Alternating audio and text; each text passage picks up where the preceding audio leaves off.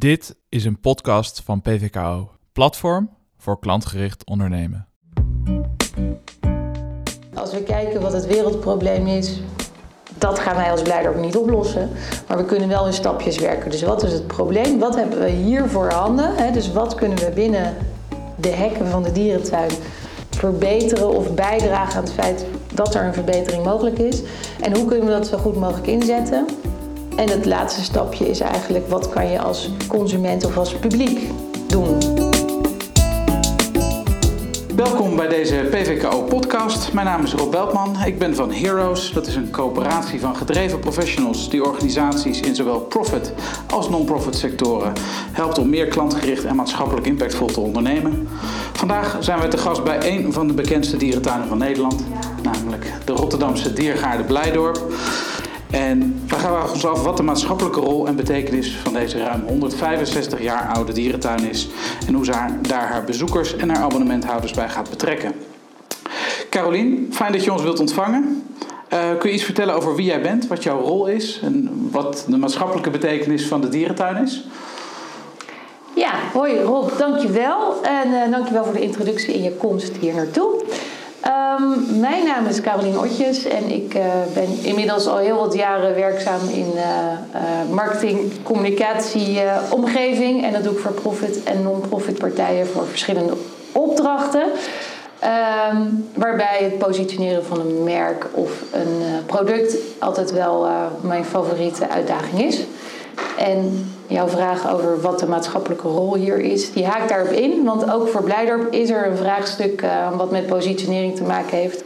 Er is een masterplan geschreven al een aantal jaar geleden.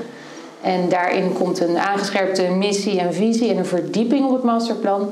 Waarbij we dus eigenlijk gaan proberen de dierentuin meer richting natuurorganisatie uh, te positioneren of herpositioneren. En dat is ook mijn opdracht. Uh, binnen Blijdorp ben ik verantwoordelijk voor marketing, communicatie en strategische partnerschappen. Uh, een groot team, divers. Brede functie. Een hele brede functie, uh, wat het ook heel leuk maakt. En uh, ja, de vraag waarom het zo'n bijzondere plek is. Ik denk dat iedereen in de omgeving Rotterdam Blijdorp kent. Ehm, misschien wel van zijn eigen schoolreisje, dus ik wel. met je ouders, misschien met je eigen kinderen. Um, het is buiten een hele mooie plek midden in de stad. De groene longen zijn het, is het rijksmonumentaal. En uh, wij hebben natuurlijk een geweldige collectie dieren om te bekijken. Vergeet dat niet. Dus er zijn heel veel. Um, dat maakt het bijzonder. Het is bijna magisch. Dus um, welkom in de magie van Blijdorp, denk ik. Hartstikke leuk. Nou, heel, heel fijn om hier te zijn. En ik, ik kom hier natuurlijk best, uh, best vaak. Ook een beetje als adoptie Rotterdammer, wonend ja. in Rotterdam en werkend in, uh, wonend in Den Haag en werkend in, in Rotterdam. Hey Caroline, zoals je weet starten we onze podcast altijd met een, met een stelling die ik graag wil voorleggen. En voor jou heb ik bedacht, op een leuk dagje uit moet je niet te veel lastig gevallen willen worden met maatschappelijke vraagstukken over dierenwelzijn en natuurbehoud. Ja, dat is een hele mooie stelling. Um, waarbij ik zelf vond dat het uh, stukje lastig gevallen was wel redelijk negatief ingesteld. Ja. Uh, maar dat mag ook bij een stelling. Hè? Dus mijn perceptie is daarin toch wel anders. Um, binnen de diergaarden informeren we mensen over de dieren op een verschillende manier. En voor verschillende doelgroepen. En met een bepaalde gelaagdheid. Dus ook de boodschap is in de gelaagdheid. Um, een voorbeeld zijn de soortborden van de dieren die aangeven hoe, voor ze, bijvoorbeeld hoe ze leven of hoe oud ze worden. Um, en of ze bedreigd zijn en in welke mate. Nou, door deze informatie maak je je, of wordt er een bepaalde bewustzijn gekweekt uh, voor de bijzonderheid van het dier of wat er speelt in die leefomgeving.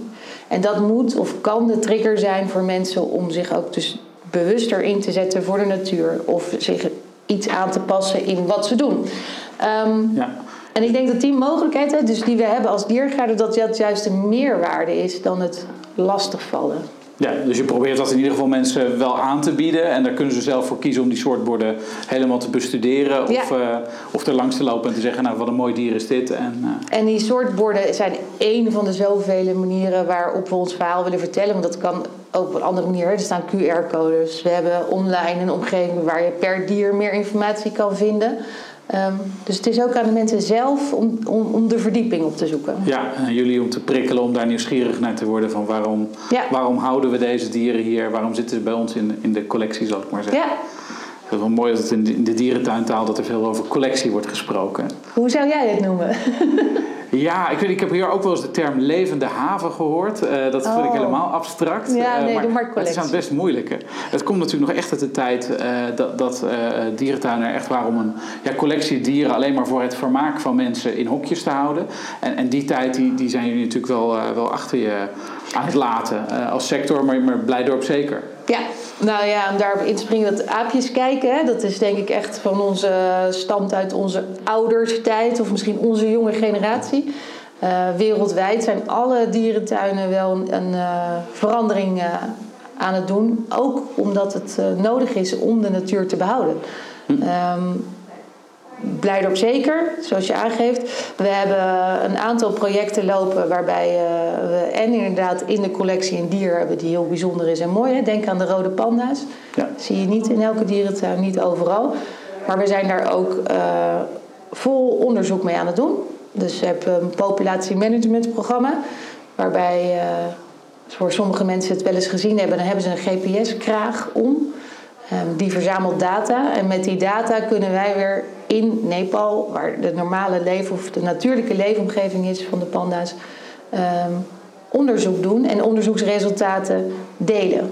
En daarmee ook het leefgebied in Nepal verbeteren. Ehm, dit is eigenlijk waar we naartoe gaan als dierentuin.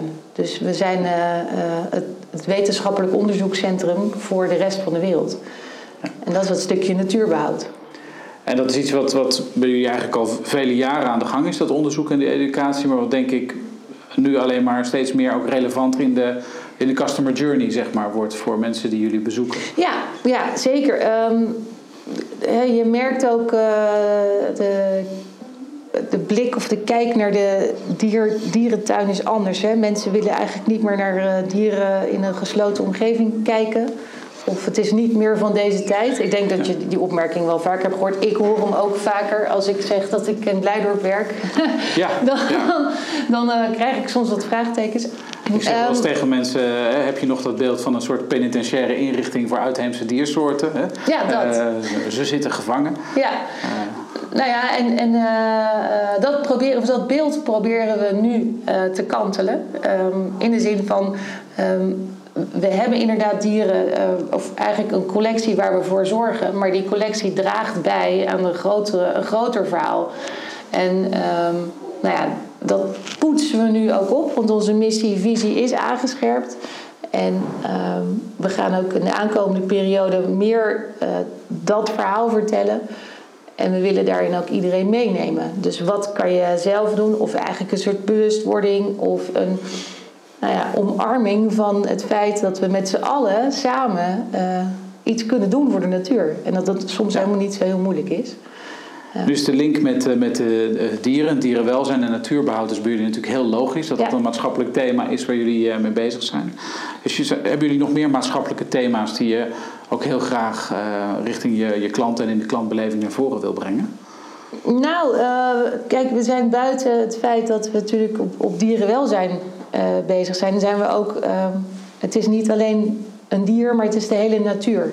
Ehm, misschien is de rode panda's nog wel een beter voorbeeld, of een voorbeeld waar we nog een keer over kunnen verder praten. Maar ehm, dus de rode panda's wonen in Nepal en het leefgebied wordt kleiner. En dat heeft te maken met de mensen die daar wonen. Eh, dat is een arm volk die heel veel hout sprokkelt en hout kapt voor hun eigen houtkacheltje om op te koken.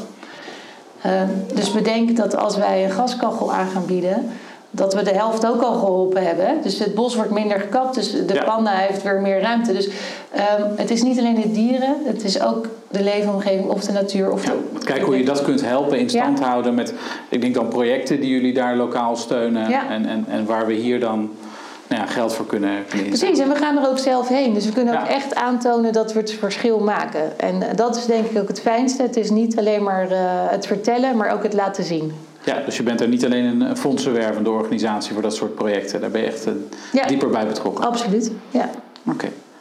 Ehm, de vraag was natuurlijk wel het lastigvallen, uh, bewust zo prikkelend gesteld. Maar in principe ja, hoop je dat een bezoek uh, vervolgens aan de dierentuin natuurlijk niet alleen uh, gewoon nog steeds dat leuke dagje uit is, maar ook wel leerzaam is en uiteraard daarna ook lonend hè, voor jullie, maar ook voor dat soort projecten. Dat ik me voldoende betrokken voel bij die rode panda om iets te geven aan dat project in, in Nepal. Hoe, hoe, combineer je die drie aspecten in, in je klantbeleving?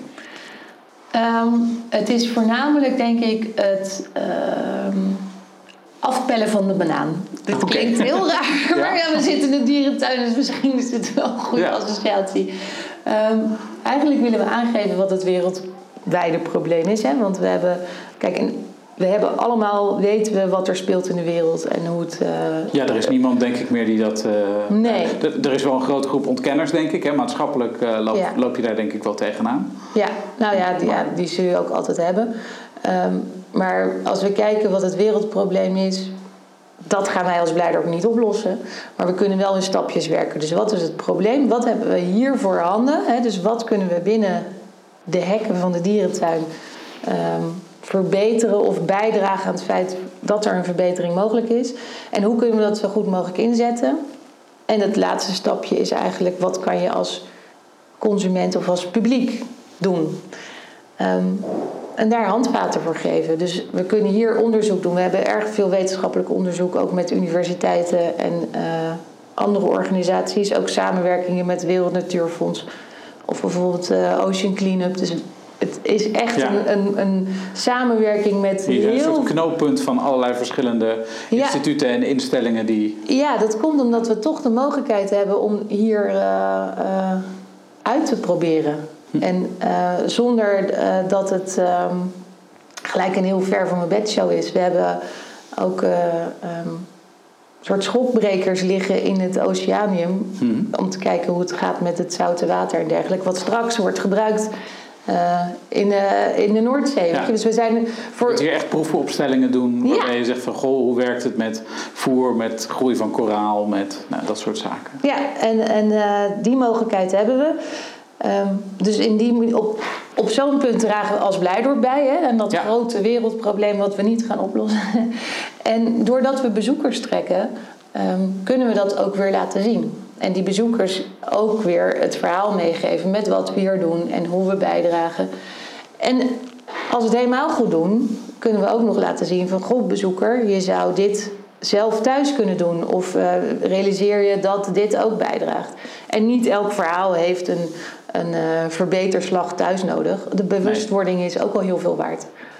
Ja. En uh, gelukkig hebben we een groot aantal bezoekers die, die dat elk jaar mogen zien. Die dat meekrijgen, ja, ja. mooi.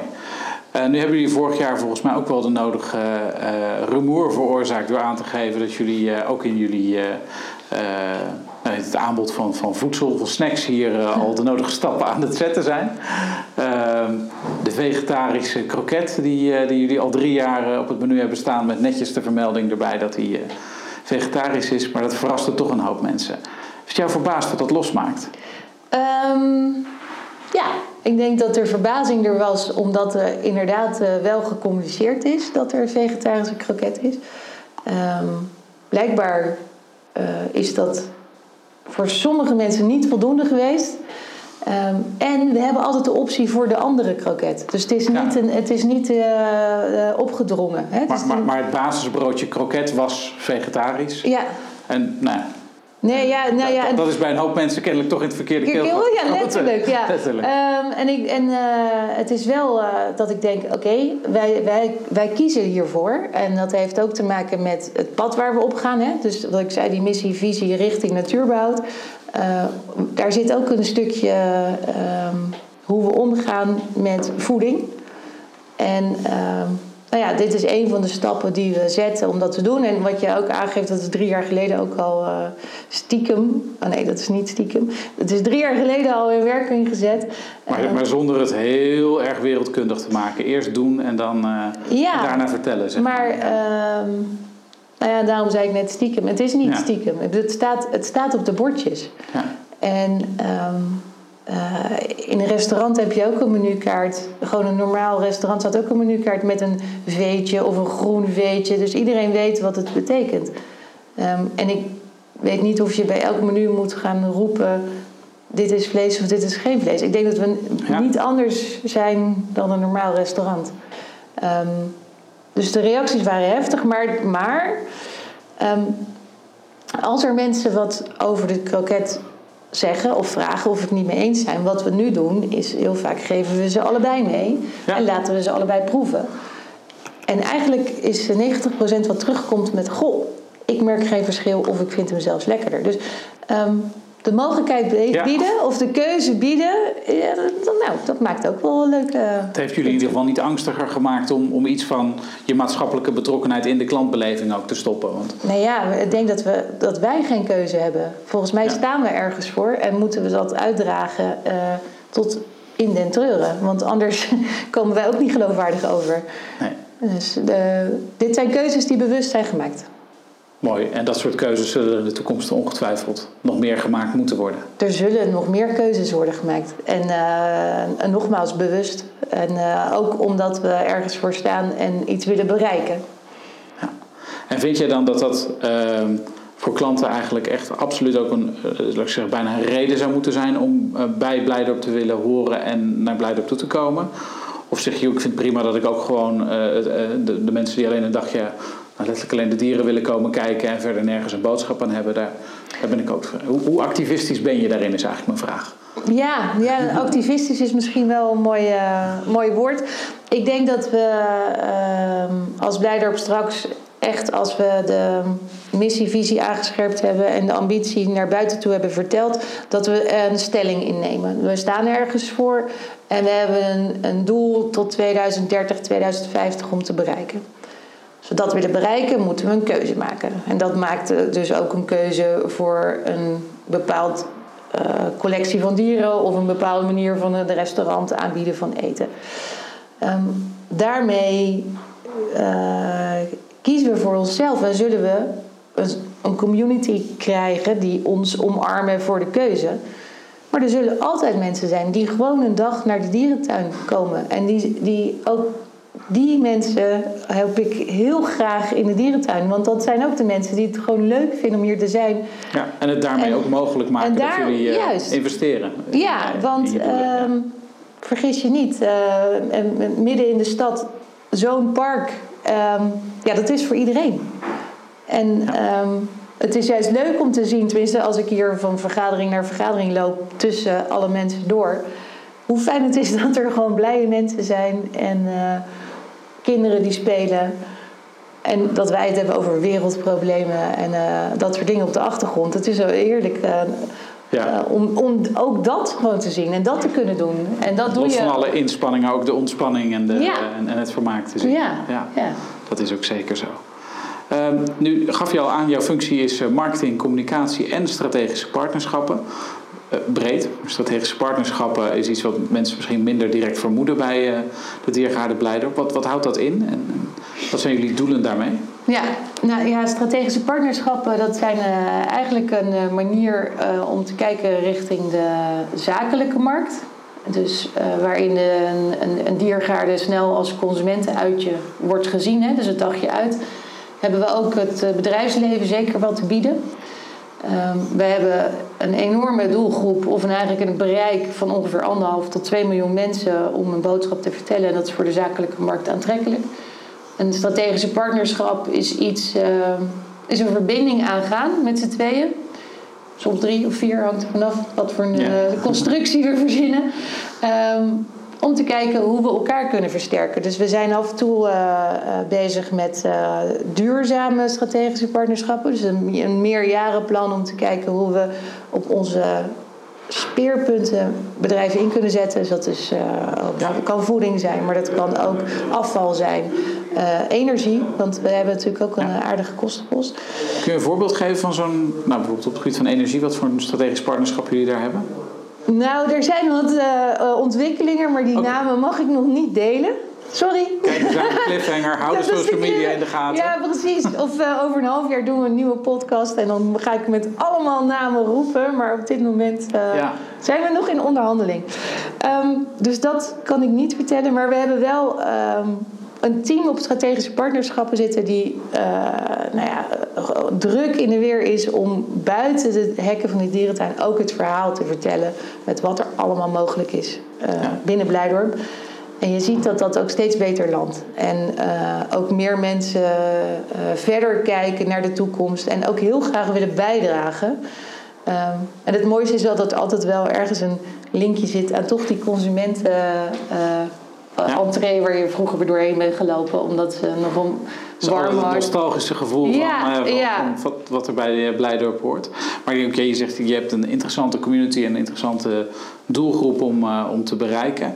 Aan de andere kant denk ik dat die bedrijven vaak ook op zoek zijn naar hoe vullen wij maatschappelijk ondernemerschap eigenlijk in en hoe maken wij dat relevant voor onze.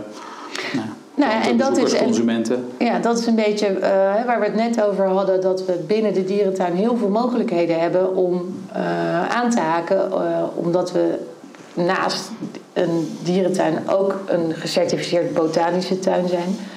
we hebben hier verschillende mogelijkheden om iets te adopteren. dus dat is ook een partnerschap. Ja, um, ja er zit. Ehm, ja, er zit meer gelaagdheid in dan dat je het eerste, uh, het eerste moment zou denken aan een diergaarde. En we kunnen daar nog een hele podcast aan, uh, aan wijden.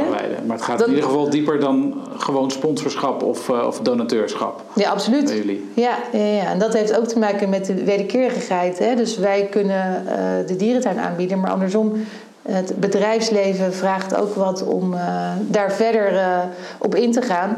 En uh, juist die partnerschap, dus die co-creatie, is wat het sterk maakt. En daar zijn we naar op zoek. Jij refereerde net aan het masterplan 2030 en verder, maar ik vind 2030 al even ver genoeg. Wat, wat is jouw droom als je naar 2030 kijkt? Wat is dan de, de bijdrage die vooral marketing en communicatie en, en strategische partnerschappen aan, aan die missie van uh, Diergaarde Blijdorp heeft uh, nou, ik droom nogal graag groot. Kijk, kom op. um, nou, eigenlijk wat ik voor ogen heb met de hele afdeling is wel dat we in 2030 wereldwijd bekend zijn. Dus niet alleen uh, Rotterdam. Maar dat heeft dan ook te maken met de ambitie die we straks uh, kunnen uitspreken. Um, dat we ook um, niet alleen natuur ja, uh, herstel hebben kunnen doen, maar ook behoud. Hè. Dus we hebben het kunnen beter maken en kunnen laten groeien. Ja. En dat hebben we dan ook echt gedaan omdat we de, de diergaarden zo aantrekkelijk hebben gemaakt. Dat we wellicht uh, van de anderhalf naar de 2 miljoen bezoekers zijn gegaan. Dus een goede ja. stijging uh, in mensen.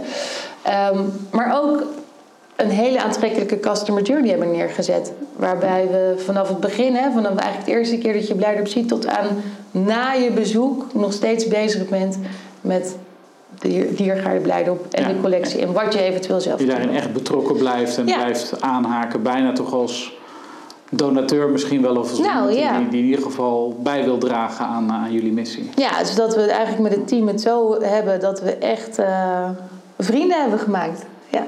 Mooi. Jullie hebben natuurlijk daarvoor een heel mooi platform met de Wereldstad uh, Rotterdam. Um, de, kun je dat gebruiken als, als springplank richting uh, wereldwijde bekendheid? Ja. Nou ja, ja, kijk, waarin we uh, het echt niet alleen kunnen doen. Hè? Want de diergaarde zelf op zich, met alles wat we voor ogen hebben, uh, dat lukt niet. Nee. Dus Rotterdam hebben we zeker nodig. En we zijn um, ook wel aangehaakt bij de de kanalen in Rotterdam, Rotterdam Partners, maar ook uh, andere grote bedrijven die ons al jaren helpen. Um, en wereldwijd is ook het idee. Um, we hebben veel wetenschappelijk onderzoek en dat doen we ook met andere uh, dierentuinen, maar ook met uh, universiteiten. En we willen graag daarin ook fondsen werven en uh, het onderzoek groter brengen en ook meer naar de, de buitenwereld uh, bekendmaken. Dus dat is het wereldwijde verhaal. Um, en iedereen uit de hele wereld mag natuurlijk ook naar Blijdorp komen. Ja, ik kan me dat voorstellen. Ja. Ja. Um, dus laten we proberen het zo aantrekkelijk mogelijk te maken voor iedereen. Nou een mooie droom, de werelddierentuin. En, en, bijna de omkering van het model van trekken we alle dieren uit de hele wereld naar één dierentuin. Naar hoe zorgen we weer dat die verbondenheid naar, ja. naar de hele wereld er is. Mooi. Hartelijk bedankt voor het inkijkje in ja, eigenlijk toch wel de bijzondere wereld van Blijdorp. Voor ons natuurlijk boeiend en spannend om, om te zien hoe jullie die maatschappelijke gedrevenheid uitdragen. En om dat de komende periode nog verder te gaan volgen als je er nog meer over kan vertellen. Dus wie weet komt er nog een opvolgpodcast Sowieso hebben we op 27 juni natuurlijk een, eh, een, mooie sessie met elkaar hier in de Diergaarde. Met nog een aantal uh, partijen die, die maatschappelijke gedrevenheid, social impact aan hun uh, klantbeleving willen koppelen. Um, ja, als ik jou vraag om, om tot slot nog even één gouden tip mee te geven aan, aan onze luisteraars. Wat zou jouw gouden tip zijn? Ja, die is, die is vrij algemeen. Die is niet gelijk diergaarde gerelateerd. Maar um, wij zitten als, als nu in een, uh, in een transitie, dus in een verandering. En verandering is onderhevig aan tijd. Dus kijk naar de evolutie die de dierentuinen hebben meegemaakt. Hè. Um, zorg dat je goed blijft opletten en naar je omgeving luistert. Dat is denk ik de grootste tip, want dat is de enige manier uh, om met de tijd mee te gaan en durf te veranderen. Um, ook al lijkt dat soms moeilijk. Het loont. Mooi. Mooie tip.